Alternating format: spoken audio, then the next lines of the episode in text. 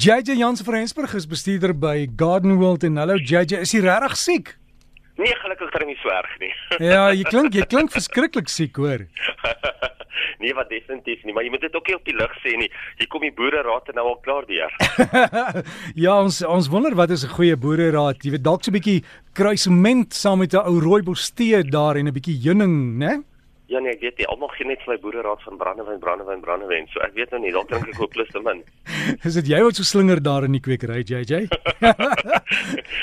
Hoe sê jy? Ook plus te duidelik. Ja, pas op vir die hoesmedisyne, daar's baie alkohol in. Nee, maar Ja, er, nogal. ernstig JJ, ek het ek het 'n SMS gehad van iemand wat vra, hulle het eintjies, hoe kan hulle dit verwyder sonder om die hele tuin om te dolwe?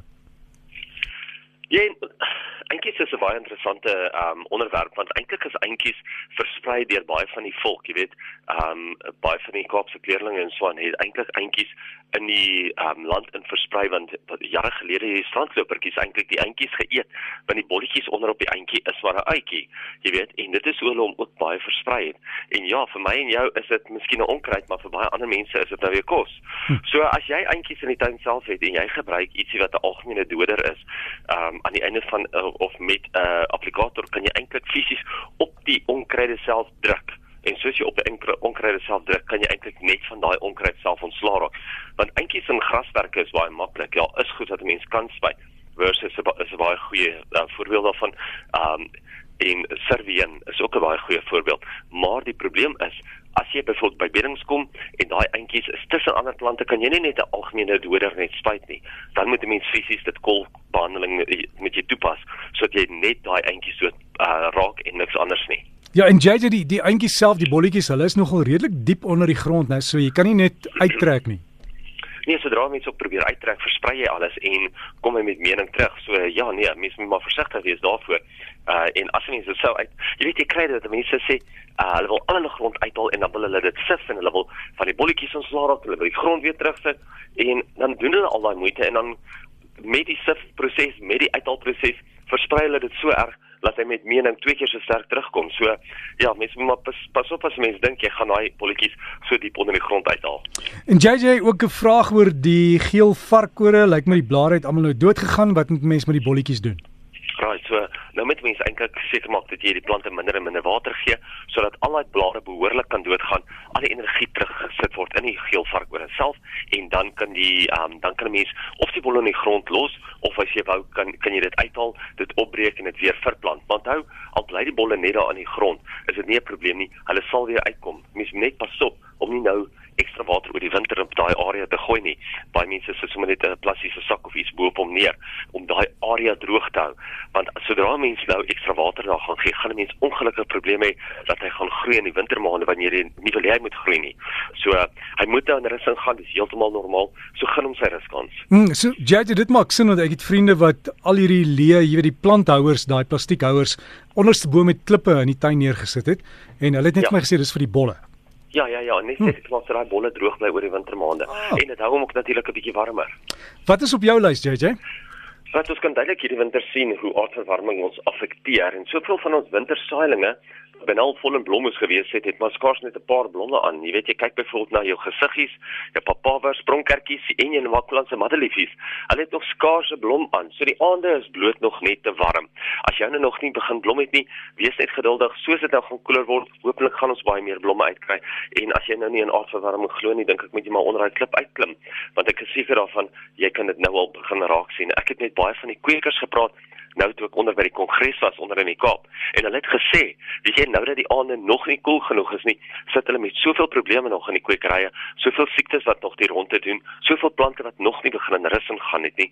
So uh, ja, kom ons hoop maar net dit word vinnig lekker baie koud sodat die plante ook verplant kan word uitgehaal kan word en ook baie beter kan begin blom. Sleutelblomme is natuurlik 'n saailing wat hierdie winter baie skaars oor die hele land is. Sleutelblomme is mos primulas, die gewone Primula malicoides en baie mense dink dis ook as gevolg van aardverwarming. Maar alhoewel sleutelblomme baie saad maak, uh, word hierdie saad wel ingevoer en is dit eintlik 'n baie goedkoper saad as ander saad. Maar omdat sleutelblomme regtig net in Suid-Afrika en Australië geplant word, fokus die saadproduseerders regtig nie daarop nie. Uh met al die faktore het ons ook nog 'n baie swak ontkieming gehad. So as jy hierdie jaar wil primulas in die tuin plant, as jy sleutelblomme wil plant, maak seker jy gaan kry dit so gou as moontlik dan wel die variëteite kan kry sodat jy wel voorraad kan kry. En dit is baie interessant hoe 'n mens altyd net vredelblomme as van selfsprekend aan uh, aangeneem het en gedink het dat mense dit altyd maar net gaan kry dat dit van daai plante is wat men net nooit 'n tekort gaan wees nie, maar hierdie jaar is dit definitief 'n tekort. Ietsie anders wat ons ook nou in die winter kan doen, soos dit nou warm, ag soos dit nou koeler word voordat dit warm word, is dis 'n goeie tyd om jou potte oor te plant. Onthou wat mense net moet seker maak is maak laat jou potte bietjie droog word. Laat hulle effens uitdroog, dan weet jy jou plante gaan ook in 'n dormansie ingaan dan kan jy hulle redelik maklik verplant. So moet nooit 'n pot vat wat baie groter is as die pot waarin die plant op die oomblik is nie. Jy kyk miskien na op die meeste dubbel tot drie keer die grootte. Maar moet nou nie 'n pot gaan vat wat 10 keer so groot is nie. Daai plant gaan so lank vat om daai pot vol te groei.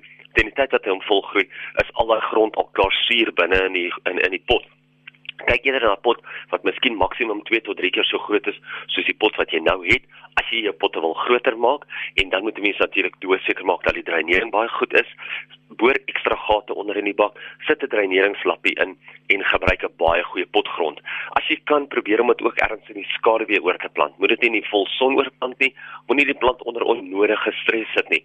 Sit dit eerder in die skaduwee en maak seker die plant eerder so vinnig kan uh, weer kan terugspring of weer kan ontwikkel na die wintermaande. Ons plante ons plant van die week vir hierdie week is natuurlik weer eens een van daai lekker kruie variëteite, Herbalicious Pizza and Pasta Delight. Nou dit is weer een van daai lekker lang vensterbakke wat 'n mens sommer net daar in jou kombuis kan sit. Dis die perfekte kombinasie vir pizzas en pastas wat 'n mens net daar in die kombuis kan gebruik. Basiliekruid, oregano en citresies is in hierdie bak. So gaan kyk bietjie uit vir daai Herbalicious Pizza and Pasta Delight. Hy het gelukkig nie baie son nodig nie.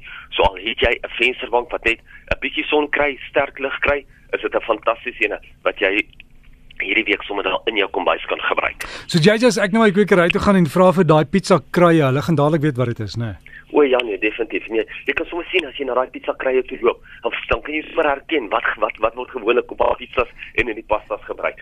Ek is natuurlik ek is ek is 'n sakker daarvoor. Ek is mal oor 'n basiliekry. Ek hou daarvan om my hande deur die blare net so liggies te trek en om te ruik. Hy hy laat my altyd aan pizzas en pasta dink en hy maak my so lekker honger. So gesels ons saam met JJ Jans van Rensburg en JJ sterkte met daai verkoue en daar het jy ons tuinpraatjie. Onthou dit sal se potgooi maandag op ons webtuiste beskikbaar wees en jy kan vra dan vir Herbalicious die die pizza kruie by jou kwekery. Hulle sal vir jou kan sê dis ons plant van die week en lekker tuin maak.